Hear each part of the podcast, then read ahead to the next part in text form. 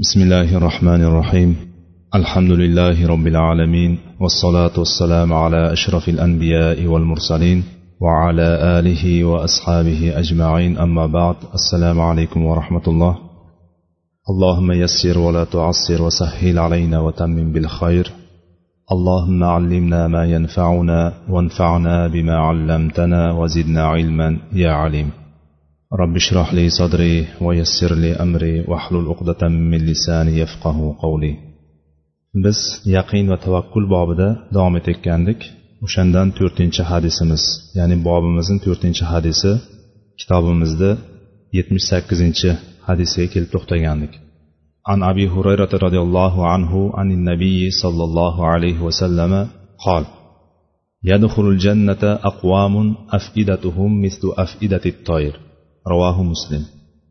Muallif rohimaulloh bizga mana bu bobda to'rtinchi hadisni keltirdi.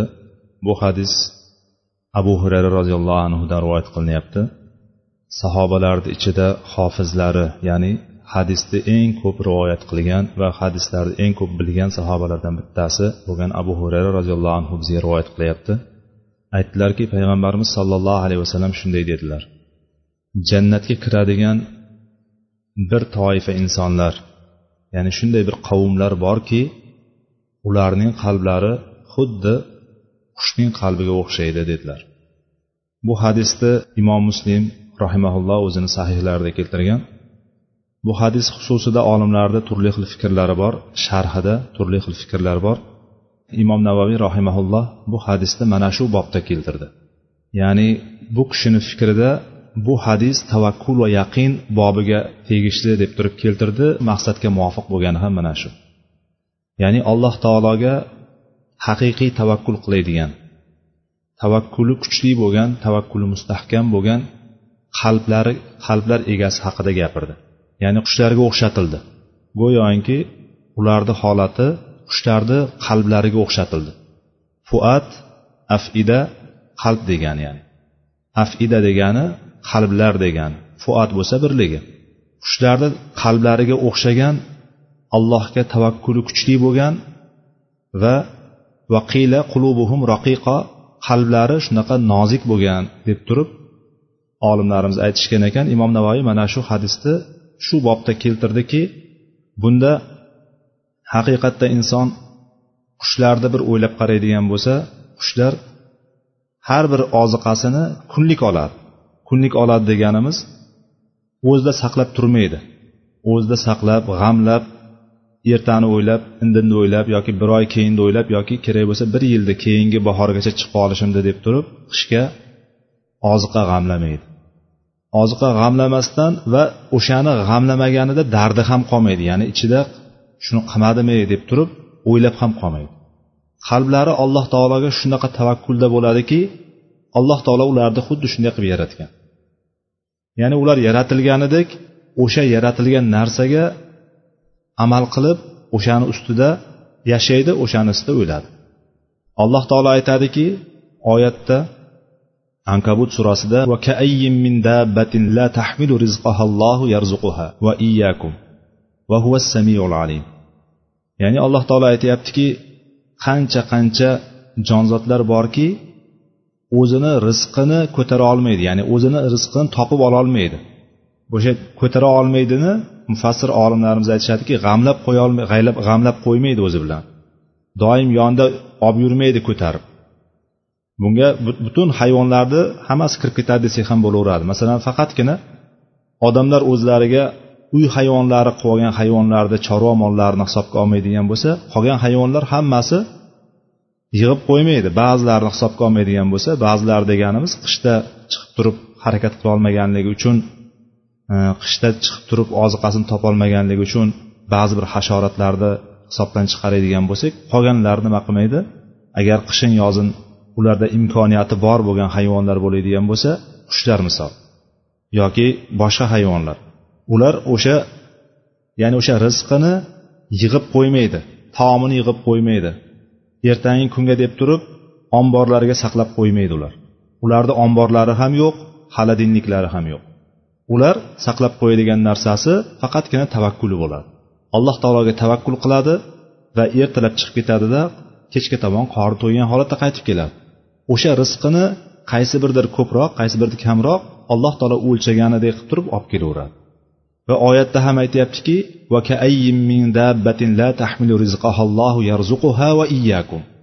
ya'ni o'zini rizqini ko'tarib yura olmaydigan qanchadan qancha jonzotlar qanchadan qancha hayvonlar borki o'zini rizqini ololmaydi alloh taolo ularga ham va iyyakum deb turib alloh taolo bizda ham aytyaptiki va sizlarga ham allohni o'zi rizq ro'zini beradi.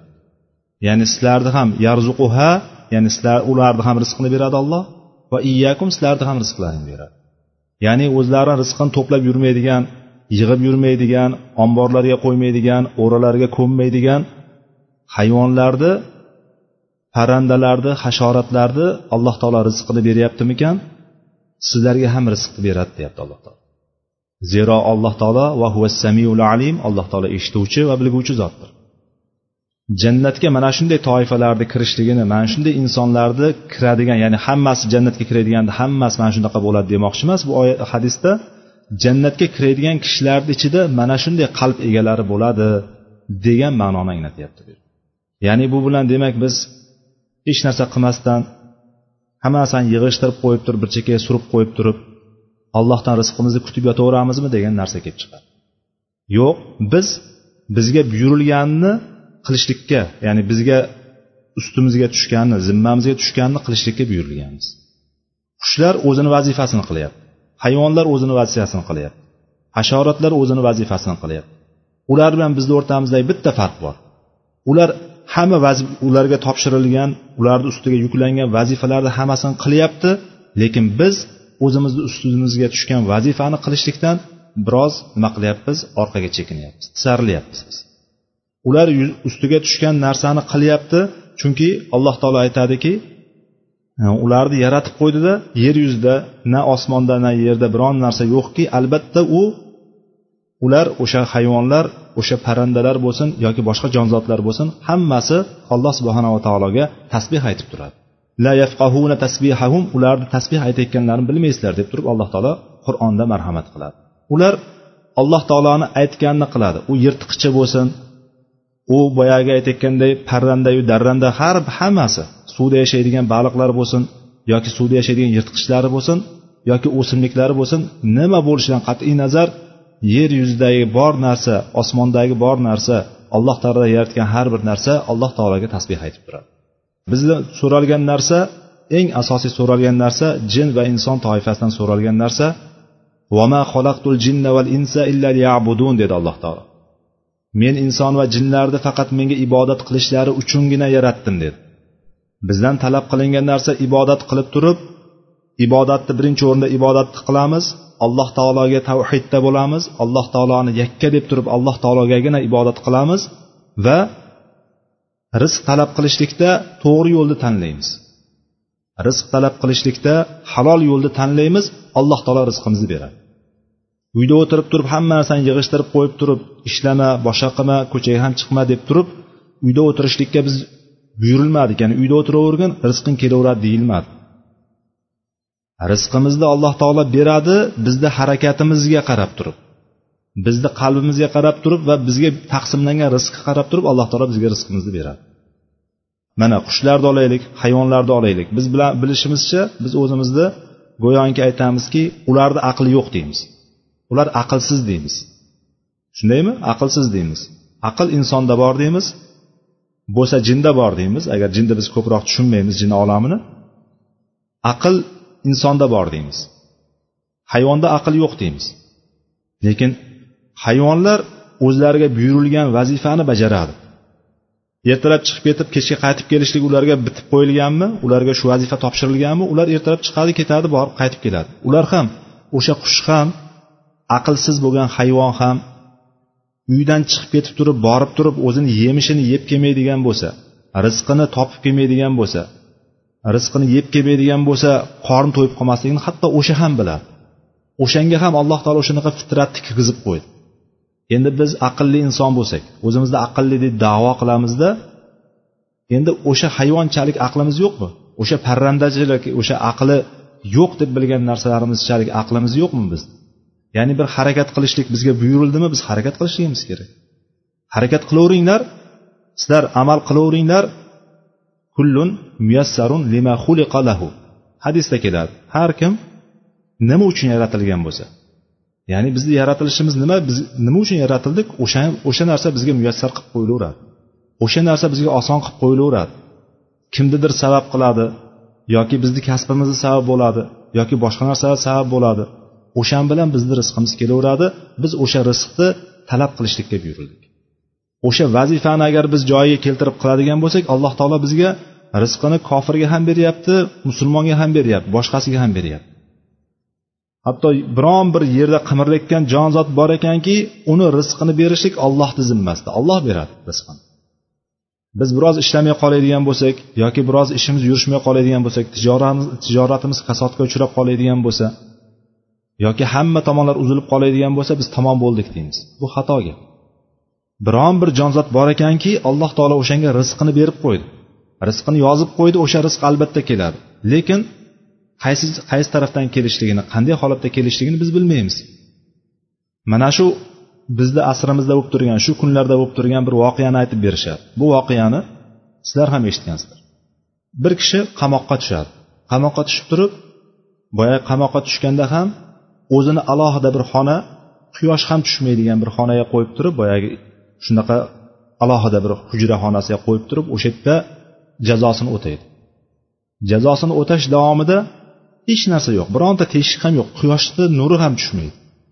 Qop qorong'i joy tagi beton hamma tomon beton bo'lib turgan joyda o'sha yerda jazo muddatini o'taydi. Musulmon bir kishi jazosi ham nima uchun? Robbim alloh degani uchun o'tiribdi yerda robbim olloh degan aybi uchun ollohdan boshqa iloh yo'q men allohgagina ibodat qilaman degani uchun o'sha nimada o'tiribdi? Turmada o'tiribdi qamoqda o'tiribdi. Boshqa sababi yo'q uni. O'shan bilan ayblanib turib qamalgan kishi o'tiribdiki qop qorong'i joy qiladigan boshqa bir narsa bo'lmagandan keyin inson hamma narsaga sinchkovlab bitta bitta o'rganib chiqadigan darajada bo'lib qoladi. Sinchkov bo'lib ketadi inson. Sinchiklab o'tirsa o'sha yerda bir o'rganchak ini bormish.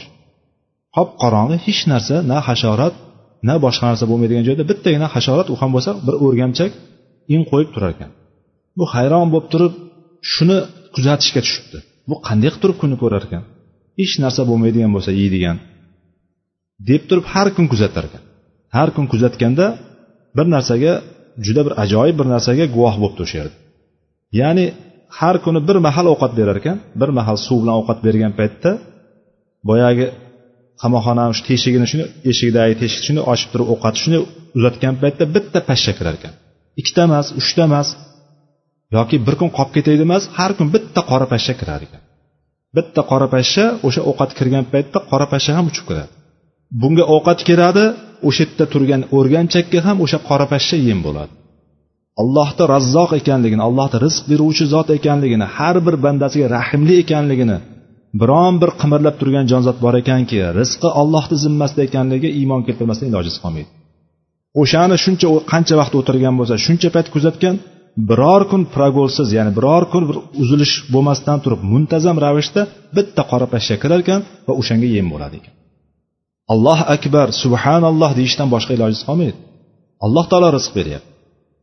Bu yerda ham keltirilayotgan bu hadisni imom navoiy bu o'ringa qo'yishligidan maqsadi ham mana shu kishilarni tavakkuli alloh taologa suyanishligi shunaqa bo'ladigan kishilar bo'ladiki ularni qalblari xuddi mana shu qushlarga o'xshatib qo'yiladi.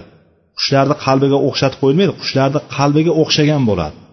Ya'ni hech narsani o'ylamaydi butun hamma ishini alloh taologa tashlab qo'yadigan alloh taologagina suyanadigan kishilar bo'ladi. Alloh taolo bizni mana shunday kishilardan qilsin.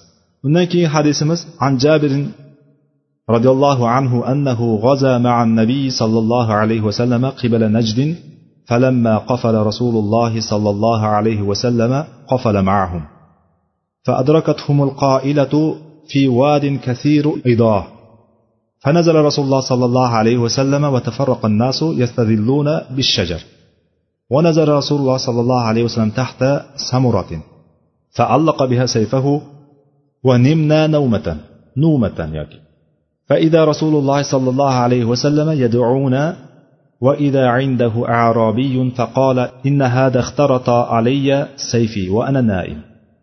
فاستيقظت وهو في يده سلطة. قال من يمنعك مني؟ قلت الله ثلاثة. ولم يعقبه وجلس. متفق عليه. Bu hadisda jobir ibn abdulloh roziyallohu anhu rivoyat qilib beryapti bizga. Bu kishi o'zi bilan bo'lgan bir voqeani o'zi guvoh bo'lgan bir voqeani zikr qilib beryapti. Bu voqea payg'ambarimiz sollallohu alayhi vasallamni alloh subhanava taologa bo'lgan tavakkullarini yaqinlarini qanchalik darajada ekanligini bizga bir ko'rsatadigan va bizga o'rnak bo'ladigan bir voqeadir. Payg'ambarimiz sollallohu alayhi vasallamni g'azotlaridan bittasi bo'lgan najd tomonga zatir riqo degan bir jangga chiqishlik e, o'sha tarafdagi badaviy ya'ni badaviy deganimiz o'sha yerdagi sahroyi arablarga bir o'shalarni islomga kelmaganligi uchun o'shalar ta'zirini berib qo'yishlik uchun o'shalarga aql kirgizib qo'yib turib dinga chaqirishlik uchun qilingan bu jihod bo'ladi. Bu voqeani olimlar e, fikrlarida ba'zi olimlar oltinchi hijriy yilda degan bo'lsa ba'zi olimlar yettinchi hijriy yilda bo'lib o'tgan deb aytadi. Zatur riqo g'azoti. Zatur riqo g'azotini ba'zilar to'rtinchi yilda ham hijriy to'rtinchi yilda bo'lgan degani ham bor lekin o'shani sahihrog'i rahiqul maxtumni sohibi sofiyur rahman muborakuriyni u kishini tasbitlariga ko'ra bu g'azotda haybar g'azotidan keyin bo'lgan. Ya'ni bu g'azot hijriy yettinchi yil robbiyul avval oyida bo'lganligini aytadi bu kishi. Mana shu sahihroq qovul deydi.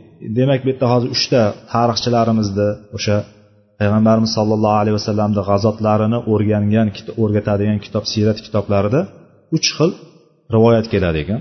Birinchisi to'rtinchi hijriy to'rtinchi yilda bo'lib o'tganligi undan keyingisi hijriy oltinchi yilda bo'lib o'tganligi va uchinchisi va to'g'rirog'i haqiqatga yaqinrog'i hijriy yettinchi yilda robiul avval oyida bo'lib o'tganligi aytiladi.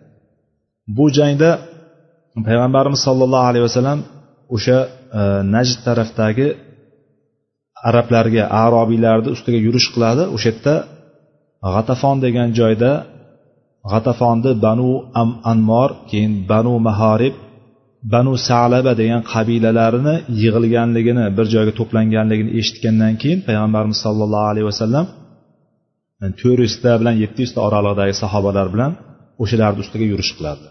Mana bu yurish qilgan paytlarida bitta tuyaga uch kishi to'g'ri kelgan olti kishi to'g'ri kelgan. Shunaqa rivoyatlar keladi. O'shanda bitta tuyani almashib almashib minganligini imom buxoriy o'zini sahiylarida keltiradi. Payg'ambar sallallohu alayhi vasallam bilan shu g'azotga chiqqan paytda olti kishini o'rtasida bitta tuya bo'lgan. Navbatlashib minishgan. Olti kishi navbatlashib mingan paytda oyoqlarimiz yorilib ketardi o'shanda. Oyoqlarimiz ya'ni yurib borgan yo'llarini tikanzorlardan toshloqlardan iborat ekanligidan oyoqlari yorilib abu muso roziyallohu anhu aytadiki hatto meni ham oyoqlarim tagi yorilib tirnoqlarim ko'chib ketdi hatto deydi. O'shanda sahobalar majbur bo'lishgan oyoqlariga lattalar bog'lashgan. Hozirgi kundagi oyoq kiyimlar yopiq oyoq kiyimlar ularda bo'lmagan. Yopiq oyoq kiyim ular kiygan kalishlari ham payg'ambarimiz sollallohu alayhi vasallamni kalishlarini nal deymiz. Arabchasida o'sha kalishlarni ham ko'radigan bo'lsak tagligi bor tagi. Padosh deymiz o'sha tag qismi bor o'sha tag qismidan keyin ikkita tasmasi bor. O'sha tasma bilan bog'langan ya'ni usti ochiq bo'lgan bunday olib qaraydigan bo'lsa ochiq. O'sha tasmalar bilan bog'lab turib tagi bo'lgan asosiy xuddi shunga o'xshab turib endi bular sahro tarafga sahroda cho'l e, cho'l zonasida hijrat bo'lganligi uchun tikanzorlar va toshloqlar bo'lganligidan bizni oyoqlarimiz yorilib hatto tirnoqlarim ko'chib ketdi deydi abu muso ashariy roziyallohu anhu.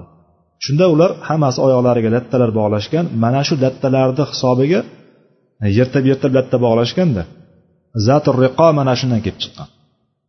Ya'ni boshqa qilib aytganda yamoq yamoqli degan ma'noni bersa ba'zan ular shu lattali oyoqlar degan ma'noga keladi deb turib aytishadi. Mana shundan bu g'azotni nomi ham mana shundan kelib chiqqan. Mana shu g'azotda bo'lib o'tayotgan voqeani jobir roziyallohu anhu rivoyat qilib beryapti. Jobir roziyallohu anhu biz payg'ambarimiz sollallohu alayhi vasallam bilan shu zoti riqoga kelgandik chiqqandik bu yerda aytayotgan najd tarafga deb aytdi. Najd tarafga g'azotga chiqdik. Payg'ambar sollallohu alayhi vasallam qaytdi. Qofala mahum jobir roziyallohu anhu ham nima? Men ham ular bilan birga qaytdim deyapti u ham qaytdi roviylar aytib beryaptida bu yerda. Shunda ular shunaqa bir vodiyga keldiki va fi vadin kasirul ido dedi. Kasirul ido degani o'sha tikanli daraxtlar butalar. Shunaqa daraxtlar ko'p bo'lgan butalar ko'p bo'lgan joyga kelganimizda o'sha yerda bir qoylula qilmoqchi bo'ldik deydi qoylula qilmoqchi bo'ldik payg'ambar sollallohu alayhi vasallam o'sha yerga qo'noqladilar o'sha yerda to'xtadilar va odamlar ham hammasi qaysi daraxt soyasida soyalanaman ekan deb turib hammasi tarqalib soyalarni qidirib ketishdi. Payg'ambar sollallohu alayhi vasallam bo'lsa samuro degan daraxtni tagiga tushdilar. Samuro daraxtini tarjimalariga qaraganimizda buni ikki xil ikkita daraxtdan bittasi e, shundan akas deydi yoki bo'lmasa akatsiya deydi yoki e, smola daraxti. Shu ikkalasidan bittasi ekan. O'sha daraxt ostida soyalanishga tushdilar payg'ambarimiz sollallohu alayhi vasallam. Va o'sha daraxtni shoxiga biha sayfahu o'shani shoxiga qilichlarini osib qo'ydilar. Biz uxladik dedi jobir ibn abdulloh aytyapti. Biz uxladik ma'lum bir vaqt uxladik. Banogoh payg'ambarimiz sollallohu alayhi vasallam chaqirib qoldilar. Faida rasululloh sollallohu alayhi vasallam yaduuna bizni chaqirib qoldilar. Faida indahu arobiy qarasak payg'ambarimiz sollallohu alayhi vasallamda bir arobiy turibdi. Begona arobiy deganimiz sahroyi arab. Badaviy deymiz o'zbekchasiga. Bitta notanish arobiy turibdi. Payg'ambarimiz aytdilarki mana bu dedi meni qilichimni qinidan chiqarib uyg'onsam tepamda turibdi qo'lida qilichim turibdi yalang'ochlagan holatda dedi. Va huva fi yadihi saltan ya'ni o'sha qilich qo'lida meni qilichim deb yuqorida keldi meni qilichim uni qo'lida yalang'ochlagan turibdi. Va o'sha arobiy aytdiki minni seni mendan kim himoya qila oladi? dedi. Kim qutqarib ola oladi seni bu yerda? Mendan kim to'sadi? Hozir qirchi qo'limda turibdi seni qo'lingda hech narsa yo'q. Ham kamiga yangi uyqudan turding. Ya'ni inson g'aflatda bo'lgan payti uxlab turgan paytda inson butunlay tashqi olam bilan uziladi endi uyg'ongan paytda inson hali o'ziga kelolmay turgan paytda tepasida qilich ko'tarib turgan bittasi turibdi. Tasavvur qiladigan bo'lsak payg'ambarimiz sollallohu alayhi vasallamda shu kishi mana shunday turibdi. Aytdiki qultu allohu deb turib salasan. Payg'ambarimiz aytdilarki men shunda uch marta olloh qutqaradi. Olloh sendan himoya qiladi deb turib uch marta aytdim dedi. Uch marta aytgandan keyin undan keyingi rivoyatlarda e, hali rivoyatlarimiz davom etadi hadisimizda boshqa rivoyatlarda mana shunda qo'ldan qilich tushib ketadi va payg'ambarimiz sallallohu alayhi vasallam qilichni qo'llariga oladilar. Endi seni meni kim qutqaradi? degan paytda ey sen sen endi men shunday ahmoqlik qilib qo'ydim degandek qilib turib men ahmoqlik qilib qo'ydim. Sen bunday qilmagin. Degan paytda payg'ambarimiz sallallohu alayhi vasallam uni nima qiladi? Valam yuaqibhu dedi. Payg'ambarimiz sollallohu alayhi vasallam uni nima qilmadi? Uni jazolamadi. O'sha qilgan ishi uchun payg'ambarimiz o'ch olmadilar qo'liga qilich olgandan keyin. Yoki sahobalar chaqirgan paytda ham buni ta'zirini berib qo'yinglar demadi ham. Bu muttafaqun alayhi hadis ekan. Undan keyin hadisda boshqa bir rivoyatda kelyapti. Ayni hadisni boshqa bir rivoyati boshqa bir ko'rinishi. Jobir roziyallohu anhu aytyaptiki kunna ma rasulilloh sollallohu alayhi vasallam bizatir riqo. Zatir riqoda payg'ambarimiz sallallohu alayhi vasallam birga bo'ldik. Faida atayna ala shajaratin zolilatin taraknaha li rasulilloh sollallohu alayhi vasallam. Payg'ambarimiz sollallohu alayhi vasallam bilan zatir riqoda g'azotida birga bo'ldik. Keyin qaytayotganda yuqoridagi hadisdan jamlaydigan bo'lsak keyin qaytayotganlarida shu bir soyali daraxtni yoniga keldik. Soyali daraxtni yoniga kelgan paytimizda o'sha soyali daraxtni payg'ambarimizga qoldirdik. Ya'ni payg'ambarimiz sollallohu alayhi vasallam o'sha soya o'sha daraxt soyasida soyalansin deb turib soyasi demak quyuqroq bo'lsa kerak ki payg'ambarimiz sallallohu alayhi vasallamga qoldirib ketishdi. Keyin hamma tarqalib ketdi. Bu yerda tarqalganlarni aytmayapti bu yerda xulosani aytyapti. Shunda birdan bir kishi kelgan. Mushriklardan bittasi kelib turib payg'ambarimiz sollallohu alayhi vasallamni qilichlarini qilichlarini daraxtga osilgan qilichlarini olib turib faxtarotahu uni yalang'ochlab qilichni qiridan chiqarib turib faqola taxofuni mendan qo'rqyapsanmi? dedilar. Payg'ambarimiz sollallohu alayhi vasallam yo'q dedilar. La dedilar. Qola faman yamnauka minni seni mendan kim qutqara ola oladi? Kim himoya qiladi? dedi o'shanda ya'ni qo'rqmayotgan bo'lsang nimadan qo'rqmayapsan sen? Qutqara oladigan bironta odaming yo'qku yoningda hozir. Nimaga qo'rqmayapsan deb turib so'ragan paytda o'sha seni kim qutqarib oladi hozir mendan deganda qola allohu dedilar. Payg'ambarimiz sallallohu alayhi vasallam olloh qutqarib oladi deb turib javob berdi. Bu hadisni ikkinchi rivoyati boshqa rivoyatda kelgan. Endi bu ham imom buxoriy va muslimni hadislarida boshqa rivoyatda kelyapti. Endi undan keyingi hadisimiz o'sha hadisni davomi ya'ni o'shani tafsiloti bilan bergan e, boshqa bir rivoyatni va fi أبي abi bakr في fi sahihihi abu bakr ismoiliy o'zini sahihida keltiryapti. Shunda qola man yamnauka minni? Boyagi voqea oxirgi voqeasi o'sha jarayonni oxirgisi.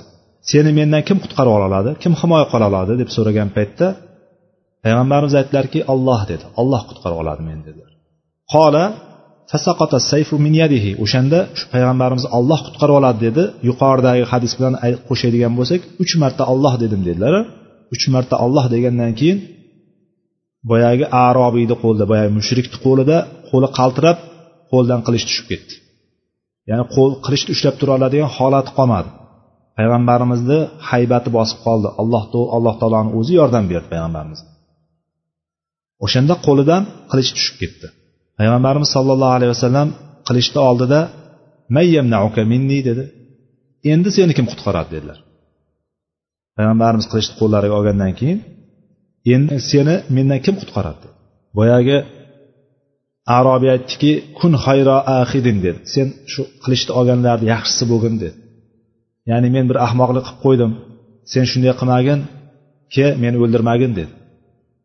Shunda payg'ambarimiz sallallohu alayhi vasallam aytdilarki tashhadu an la ilaha illalloh va anni rasululloh dedilar. Unday bo'lsa ollohdan o'zga barhaq iloh yo'q deb turib va meni ollohning rasuli ekanligimga guvohlik berasanmi dedi. Ya'ni iymon keltirasanmi bo'lmasam dedi. Ya'ni hozir men seni o'ldirmayman mayli. Menga iymon keltirasanmi deb so'ragan paytda qola la dedi. Yo'q dedi. Lekin dedi valakinni uahiduka alla uqatiluka vala akuna maa qavmin yuqatilunak ya'ni e, guvohlik bermayman lekin bitta narsaga ahd beraman dedi. Senga ahd beradigan narsam senga qarshi umuman urushmayman dedi. Senga qarshi hech qachon urushmayman. La uqatuluk ya'ni men senga qarshi umuman urushmayman va senga qarshi urushayotgan qavmlar bilan ham barobar bo'lmayman. Ularni ularga ham qo'shilmayman dedi. Ya'ni senga bevosita o'zim ham urush ochmayman va senga qarshi urushayotgan odamlarni ichida ham ularga ham qo'shilmayman dedi. O'sha o'sha ahdni beraman senga deb shunda payg'ambarimiz sallallohu alayhi vasallam payg'ambarimiz sallallohu alayhi vasallam uni qo'yib yubordi unga jazo bermasdan uni qo'yib yubordi shunda arobiy mushrik o'zini qavmini yoniga ketdi. Qavmini yoniga borgandan keyin aytdiki faqola jitukum min indi xayrin nas dedi. Men odamlarning eng yaxshisini huzuridan kelyapman dedi. Bu hadisni e, bizga demak e, birinchi qismini imom buxoriy bilan imom muslim rivoyat qilgan bo'lsa ikkinchi qismini e, bizga abu bakr ismoiliy rivoyat qilib berdi.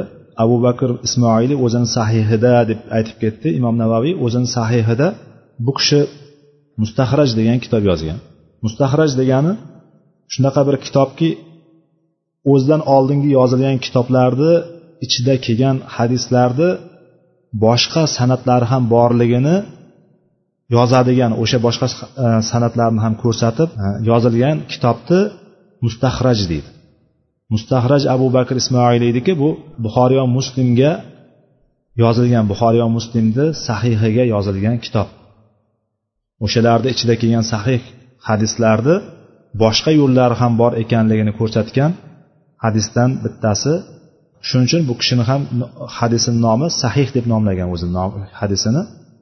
Xullas biz endi bu hadis bilan biroz tanishadigan bo'lsak e, bu hadisni bizga jobir ibn e, abdulloh roziyallohu anhu rivoyat qilib berdi. Biz hadisni qisman tanishdik ma'nosini tanishib chiqdik. Bizga eng kerakli bo'lgan o'rni bu hadisdan oladigan joyimiz eng oxirgi qismi. Eng oxirgi qismi payg'ambarimiz sollallohu alayhi vasallam tavakkullari payg'ambarimiz sollallohu alayhi vasallam tavakkullarini alloh taologa bo'lgan iymonlarini yaqin iymonlarini qanchalik darajada bo'lganligini ko'rsatib beradigan hadis hisoblanadi bu. Va payg'ambarimiz sollallohu alayhi vasallamdan o'rnak olishga biz ma'mur bo'lganmiz buyurilganmiz. Payg'ambarimiz sollallohu alayhi vasallam mana e, hadisda e'tibor beradigan bo'lsangiz hech qanday bir holat ya'ni bironta bir najot topiladigan yoki bir shunaqa bir og'ir holatga tushib qoldilar. Chorasiz holatga tushib qoldilar. O'sha chorasiz holat. Boyagi aytayotgan tepasida qilich yalang'ochlab turgan bittasi turibdida chopib tashlayman deb turib. Turgan paytda sahobalarni chaqirguncha bu ishini qilib bo'ladi sahobalarni chaqirguncha bu qilich tortib yuboradi misol. Shunaqa jarayon turibdi. Mana shu jarayonda payg'ambarimiz sollallohu alayhi vasallamga hech qanaqa qo'rquv tushgani yo'q qalbiga chunki mendan qo'rqyapsanmi deganda payg'ambarimiz yo'q dedilar. Bo'lmasam kimdan kimdan umid qilyapsan? Kim seni qutqara oladi degan paytda olloh deb javob berdi ya'ni payg'ambarimiz sollallohu alayhi vasallamni iymonlari mana shunday darajada edi. Chunki u kishi imomul muttaqin imomul mutavakkilin bo'lgan zot. Ya'ni muttaqinlarni mutavakkil ya'ni alloh taologagina tavakkul qiluvchilarni payg'ambarimiz ustozlari imomlari hisoblanadi. Shundan ko'rinadiki biz ham har qanday qiyinchilik o'rinda ham har qanday tor o'rinda ham har qanday bir chorasiz vaziyatda ham alloh subhana taologa tavakkul qilishlikka harakat qilishligimiz kerak. O'zimiz shunaqa alloh subhana taologa qalbimizni to'g'irlab qalbimiz bilan yuzlanib borishlikka harakat qilishligimiz kerak. Va alloh taologagina o'zimizni butun hamma ya'ni alloh taologagina suyanishligimiz kerak tavakkul qilishligimiz kerak. Biz boyagi yuqorida aytganimizdek sabablargagina suyanib qolmasligimiz kerak. Mol mulkimizgagina suyanib qolmasligimiz kerak.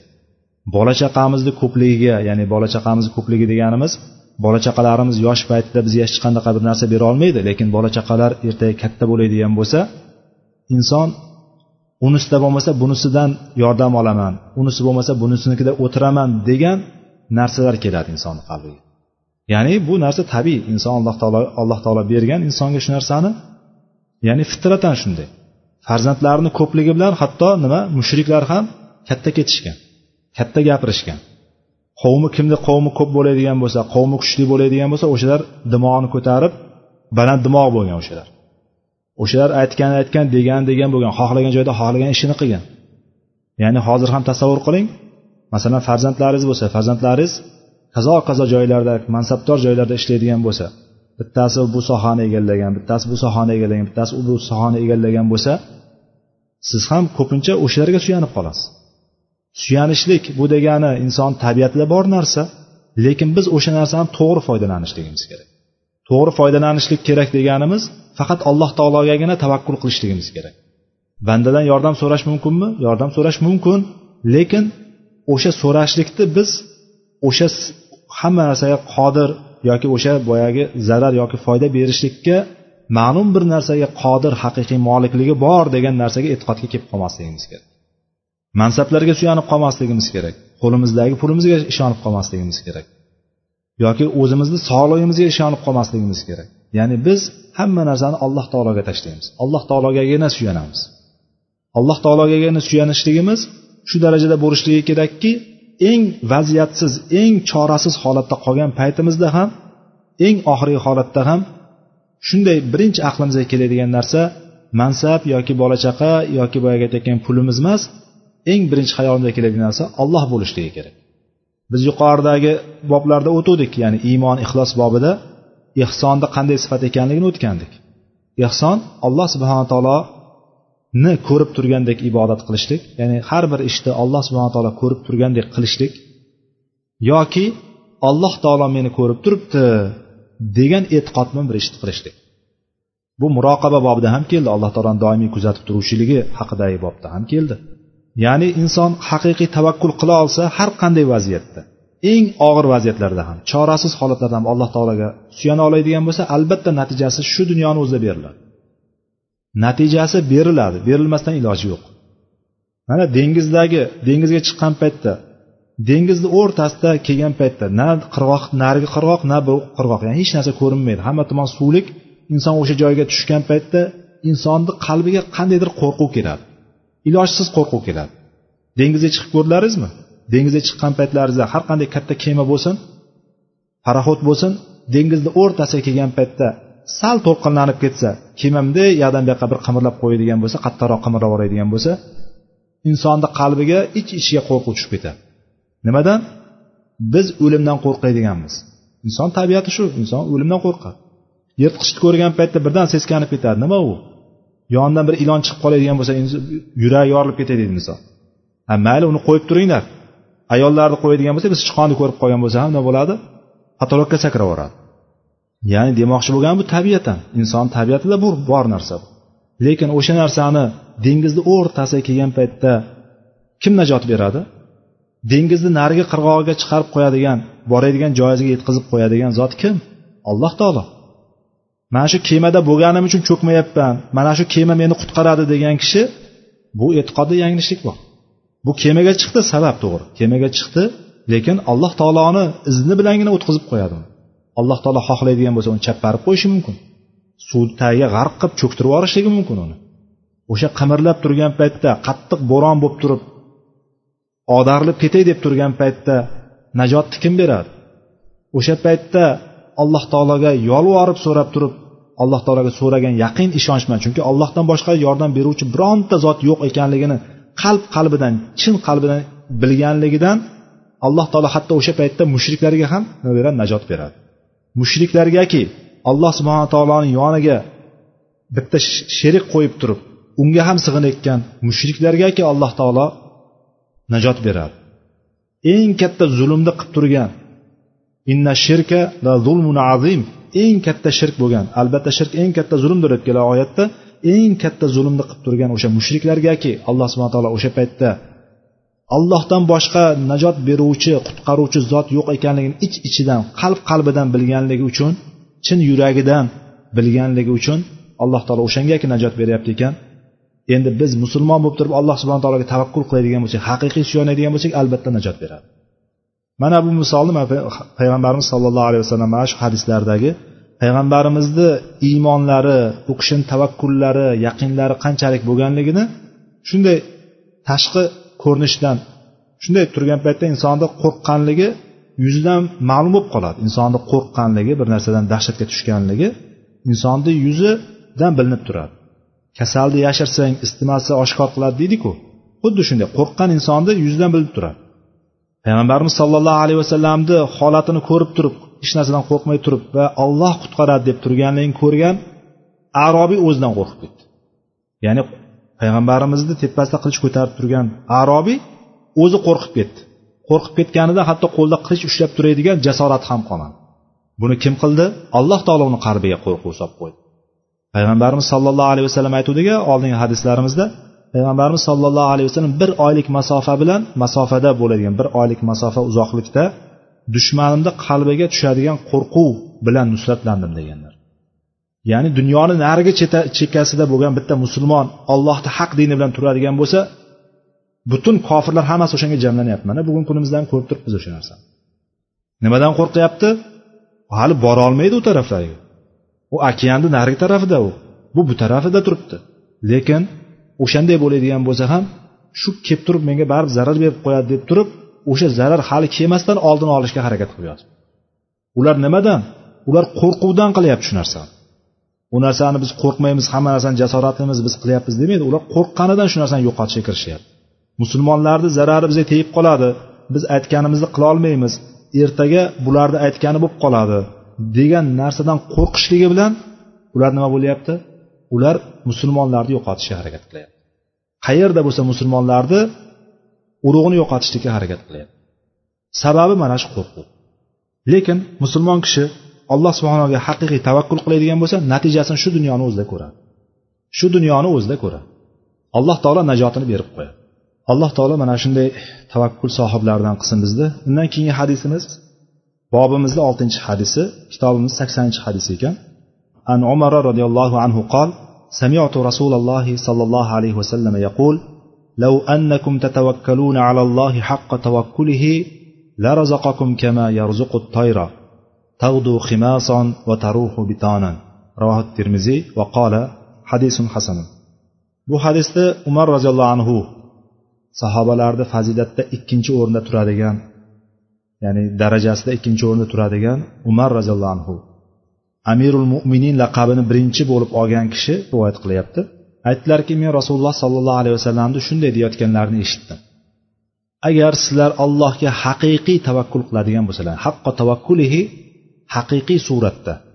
Tavakkul qiladigan bo'lsalaringiz sizlarni alloh taolo qushga rizq bergani kabi rizq berib qo'yadi. Dedi qushni qanday rizqlantirgan bo'lsa sizlarni ham xuddi shunday rizqlantirib qo'yadi. Dedi sharti nima? Haqiqiy tavakkul qila olgan kishiga. Tavdu himason va taruhu bitonan dedi. O'sha qushni sifatlayapti qanday rizqlanishligini qorni och holatda chiqib ketadi kechqurun qorni to'q holatda qaytib keladi. Mana shunday holatda alloh subhana taolo sizlarga rizqlantirib qo'yadi deb turib payg'ambarimiz sollallohu alayhi vasallam marhamat qiladi. Ya'ni bu rizqni bir ko'rinishi ya'ni ko'pincha insonlar tavakkul qiladigan qismi tavakkulni haqiqiy suratda qilolmaydigan bir nuqtalardan bittasi nima ekan? Mana shu rizq masalasi. Rizq masalasida ba'zilar hamma narsani rizqqa bog'lab qo'yadi. Ya'ni rizq deganim hamma narsani o'zini topayotgan puliga bog'lab qo'yadi. Hamma narsani o'sha bilan o'lchaydi. Hamma narsani moddiy bilan narsa bilan o'lchaydiki hattoki hozirgi kunda insonlarni aqliga singib ketgan ko'p farzand bo'ladigan bo'lsa ularni qanday boqaman? Meni rizqim torayib qoladi rizqim kamayib qoladi degan mana shunaqa xato e'tiqodlarga kirib qolishiga olib keladigan narsa mana shu rizq masalasi bo'ladi. Farzandlar qancha ko'payadigan bo'lsa shuncha rizqim tanglashib boradi shuncha qiyinlashib boradi degan kishi bu e'tiqodida alloh subhana taologa tavakkul qilishligida nuqsoni bo'lgan kishi hisoblanadi. Iymoni zaif bir kishi bo'ladi. Chunki rizq beruvchi kim? Alloh subhana taolo. Yer yuzida qandaqangi bir hayvon bo'lmasin qandaqangi bir jonzot bo'lmasin albatta uni rizqi alallohi rizquha. Uni rizqi allohni zimmasida degan oyatimiz bor. Ya'ni alloh taolo o'zini sifatlab aytyaptiki yer yuzida qandaqangi bir jonzot nima jonzot bo'ladigan bo'lsa uni rizqi meni zimmamda deyapti alloh taolo.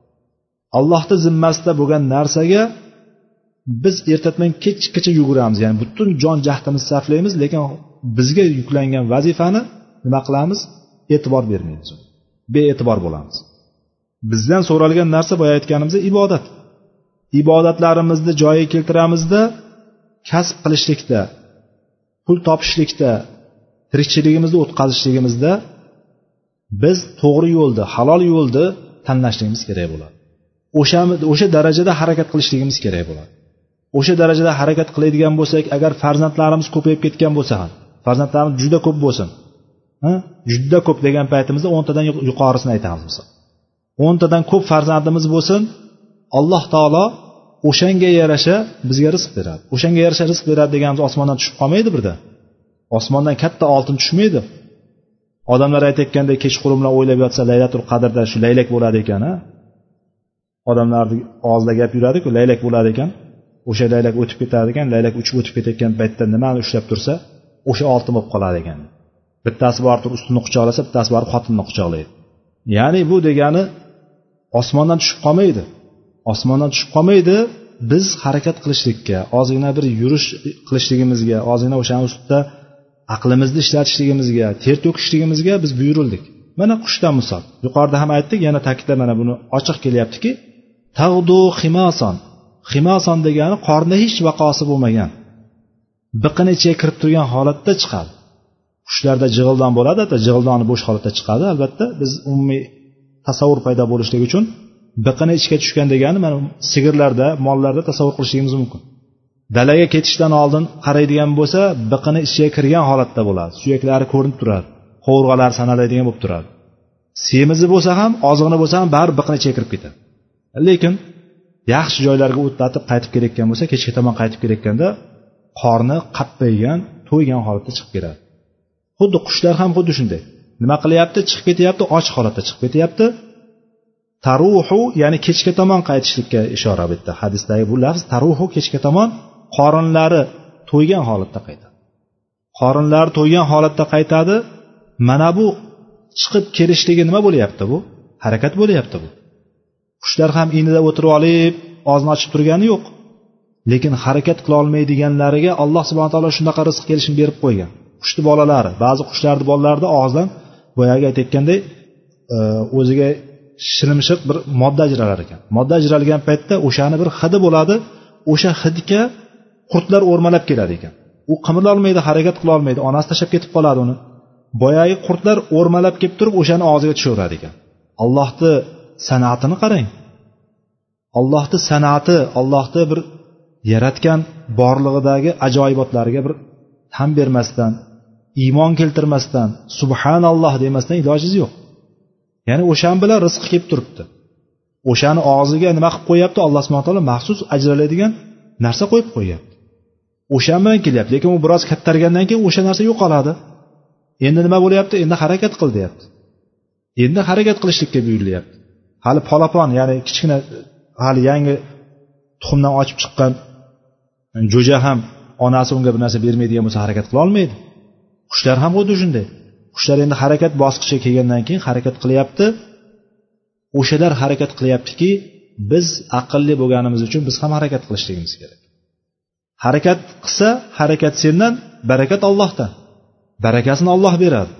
Sizni farzandlaringiz ko'p bo'lsin yoki boyagi aytayotgandek yumushingiz ko'p bo'lsin alloh taolo sizni xarajatlaringiz sarflanadigan joylaringiz infoq qiladigan insonlaringiz juda ko'p bo'lishligi bilan siz to'g'ri yo'l bilan harakat qiling alloh taolo sizga o'sha yo'llarni ko'rsatib qo'yaveradi.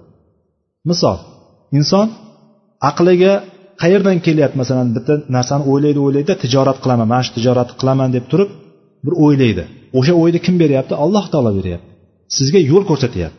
Siz bir pul topasizda yag'biyadan yoqdan qarzga bo'lsa ham pul topib turib yoki u yoqdagi narsangizni sotib turib bo'lsa ham pul qilasizda borib turib o'sha yo'lga o'sha tijoratga pul tikasiz o'shani orqasidan katta katta foydalar keladi. Bu narsa nima bilan bo'lyapti? O'sha rizqingizni kengayishi bilan bo'lyapti. Alloh taolo o'sha rizqni sizga yo'llab qo'yyapti. O'sha sababdan sizga nima rizq yo'li kelyapti? Tijorat bilan qilasizmi? Yoki boshqa ish bilan qilasizmi? Yoki boshqa kasb bilan qilasizmi nima bilan bo'lishidan qat'iy nazar o'sha sizga kelayotgan rizq qo'lingizni ostidagi nafaqaxo'rlarga nafaqadagilarga farzandlaringiz ayolingiz yoki boshqa boshqalar bo'lsin o'shalarni rizqi o'sha sizni harakatingizdan kelmayapti. O'shalarni rizqi bo'lib turib siz harakatga alloh taolo sizga harakatga yo'llab qo'yyapti sabablarni keltirib qo'yyapti. O'shan bilan rizq keladi sizga. Insonlar tavakkulda darajada har xil bo'ladi. Iymonda darajada har xil bo'lganidek tavakkul qilishda ham insonlar bir biridan farqlanadi. Kimdir butun ishini allohga topshirib qo'yadi. Qo'lida hech vaqosi bo'lmagan holatda ham alloh taologa haqiqiy suyana oladi. Haqiqiy suyana olgan bilan uyda o'tiraverishlik bilan bir ish chiqadimi? Yo'q ish chiqmaydi. Olma pish og'zimga tush deganma olma pishib og'ziga tushib qolmaydi. Ya'ni olma daraxtini tagida o'tirsa tushadi albatta. Lekin uning uchun olma daraxtini tagida o'tirish kerak. Olma pishadigan faslda o'tirishlik kerak. Lekin olma pishmaydigan olma pishmaydigan fasl bo'lsa olma daraxti yo'q bir joyda tursangiz patologdan olma og'ziga tushmaydi birov otmasa albatta. O'sha tushishligiga sabab kerak. Siz olmani pishadigan davrini topishligingiz kerak faslini bilishligingiz kerak va olma pishadigan joyga olma bog'iga borib turib olmani tagida yotishingiz kerak. Ana o'shanda olma tushadi o'shanda ham. Agar kuch ishlatmayman o'zi tushsin desangiz unda ham ehtimol og'ziga tushmaydi boshingizga tushishi mumkin ko'zingizga tushishi mumkin yoki boshqa joyingizga tushishi mumkin. Og'ziga tushish uchun bilmayman qancha vaqt kutishingiz kerak olloh biladi. Ya'ni o'shanga ham silkitishingiz kerak demoqchiman. Silkitishlikni sabab bo'lyapti va sabablarni ushlashlikni biz ma'mur bo'lyapmiz. Tavakkul qilishlik degani hamma narsani yig'ishtirib qo'yib turib allohgagina suyandim bo'ldi rizqni olloh beradi deyishlik bu xato. Biz sabab qilishlikka buyurdik. Alloh taolo o'sha sabab bilan bizga rizq kelishligini yo'lini ochib qo'ydi. Maryam onamiz homilador bo'lib turib tug'ruq yaqinlashgan paytda to'loq bo'lgan paytda bir o'sha xurmo daraxtini oldiga bor deydi.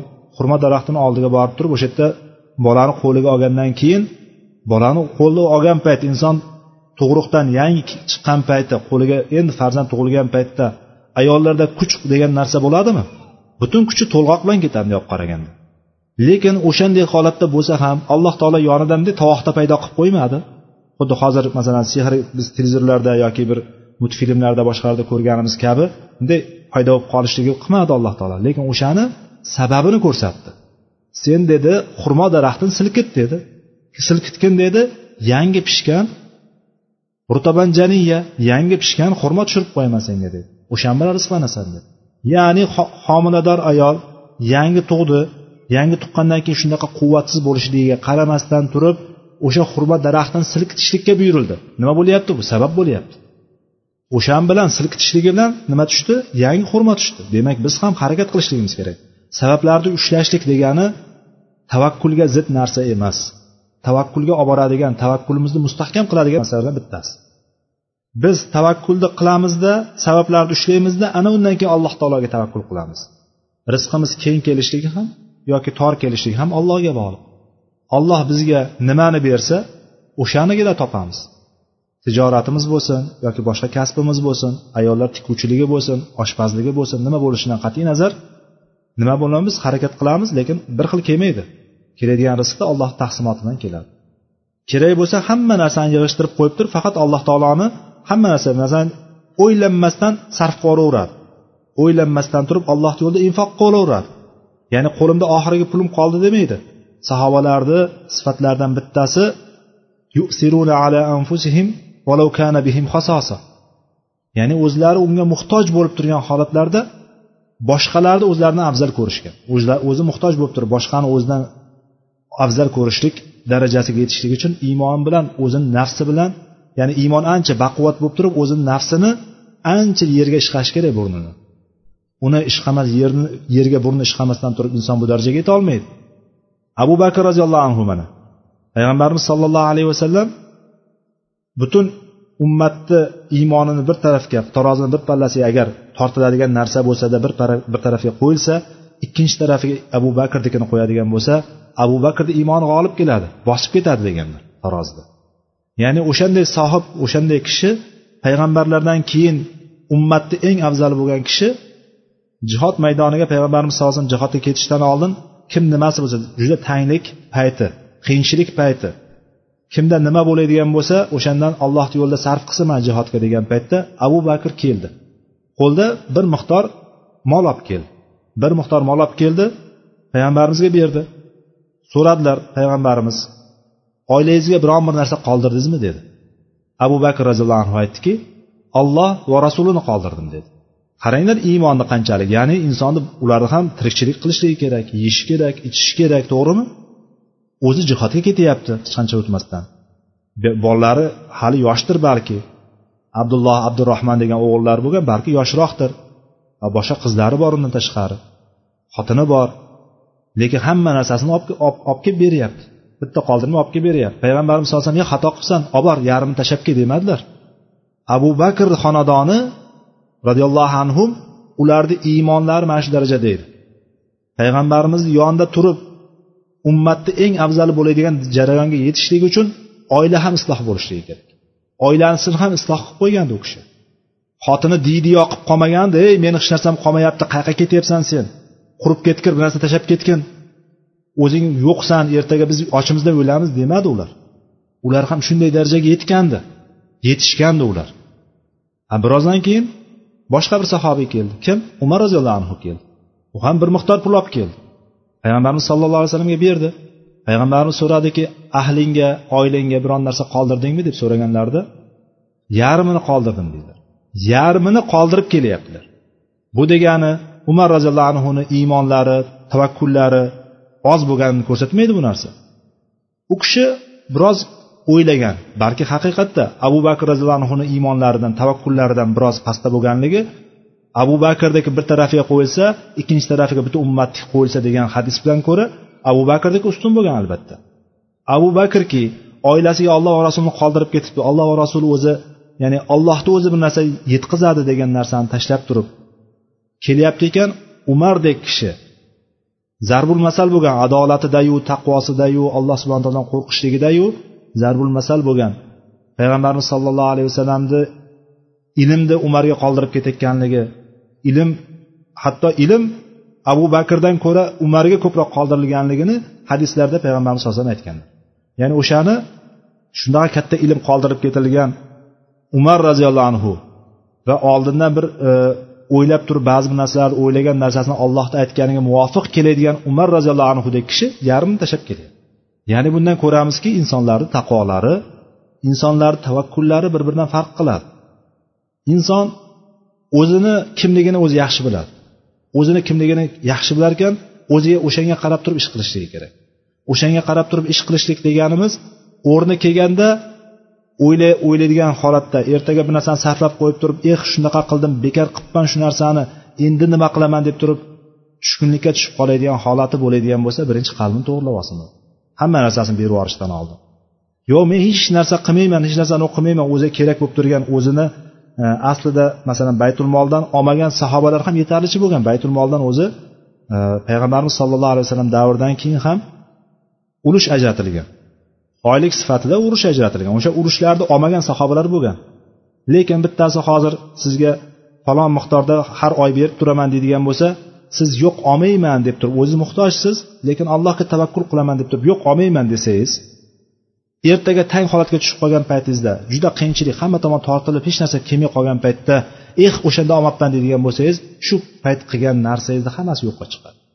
Shuning uchun inson birinchi qalbini to'g'irlash kerak. O'sha narsaga o'zini to'g'irlab olgandan keyin qilishligi kerak. Abu bakr yetishgandiki hamma molni olib kelib berdi. Umar o'zidagi holatni bilardiki yarmini olib kelib berdi. Yoki bir sahoba keldi payg'ambarimiz sallallohu alayhi vasallamga bir yong'oqday yoki tuxumday bir oltin ko'tarib keldi. Yo rasululloh mana buni ollohni yo'lida sarflamoqchiman dedi.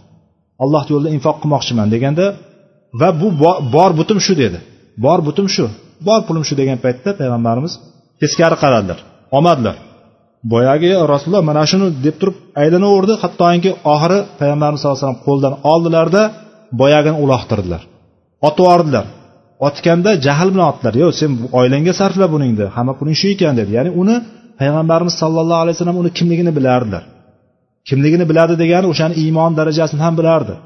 Ertaga agar muhtojlik kelib qoladigan bo'lsa balki alloh subhana taolodan biroz norozi bo'lib qolib turib birovlardan so'raydigan darajaga tushib qolar payg'ambarimiz oldilarida otni agar tekkanda bir joyini yorardi deb keladi. Tekkanda bir joyini yorardi o'sha alamlantirardi deb keladi. Shunday otib yubordilar jahl qilib turib. Sizlardan bittalaringiz bor butini ko'tarib keladida keyin faqirlikka tushib qolib turib odamlardan so'raydi dedilar. Shunaqa ma'nodagi bir hadisni bilamiz biz mana. Ya'ni inson birinchi o'rinda hozir aytayotganimizdek o'zini to'g'irlashi kerak ekan. Va yaxshi bilishlik kerakki tavakkul qiladiganki inson allohga haqiqiy tavakkul qiladigan bo'lsa alloh taolo mana shu qushlardek qushlarni holatidek qushlarga rizq bergandek rizq berib qo'yishligini inson qalbidan his qila olishligi kerak. Alloh subhana taoloni zul jalali va ikrom oliylik izzat allohni qo'lida bo'lgan ikrom sohib bo'lgan ekanligini biz bilishligimiz kerak. Alloh subhana taolo malikul mulk degan sifatiga biz iymon keltirishligimiz kerak haqiqiy iymon keltirishligimiz kerak. O'zimdan kelib chiqib aytyapman ya'ni bu borada biz anchagina zaifmiz. Ancha nuqsonimiz bor. Iymonimizda ancha nuqsonimiz borki biz haqiqiy tavakkul qila olmayapmiz. Lekin bu hadislar bizga alloh subhana taolo haqiqiy suyanishlikni haqiqiy tavakkul qilishlikni haqiqiy tavakkul qiladigan bo'lsak alloh taoloni o'zi qushlarga rizq bergandek qushlarni rizqlantirgandek rizqlantirib qo'yishligini mana bu hadislardan o'rganyapmiz. Alloh subhana taolo bizni qalblarimizni isloh qilsin. o'qiyotgan mana bu hadislarimizga oyatlarimizga amal qiladigan va hayotiga tadbiq qiladigan kishilardan qilsin alloh taolo e, haqiqiy tavakkulni bizlarga nasib qilsin gunohlarimizni mag'firat qilsin vallohu alam سبحانك اللهم وبحمدك أشهد أن لا إله إلا أنت أستغفرك وأتوب إليك وآخر دعوانا أن الحمد لله رب العالمين والسلام عليكم ورحمة الله وبركاته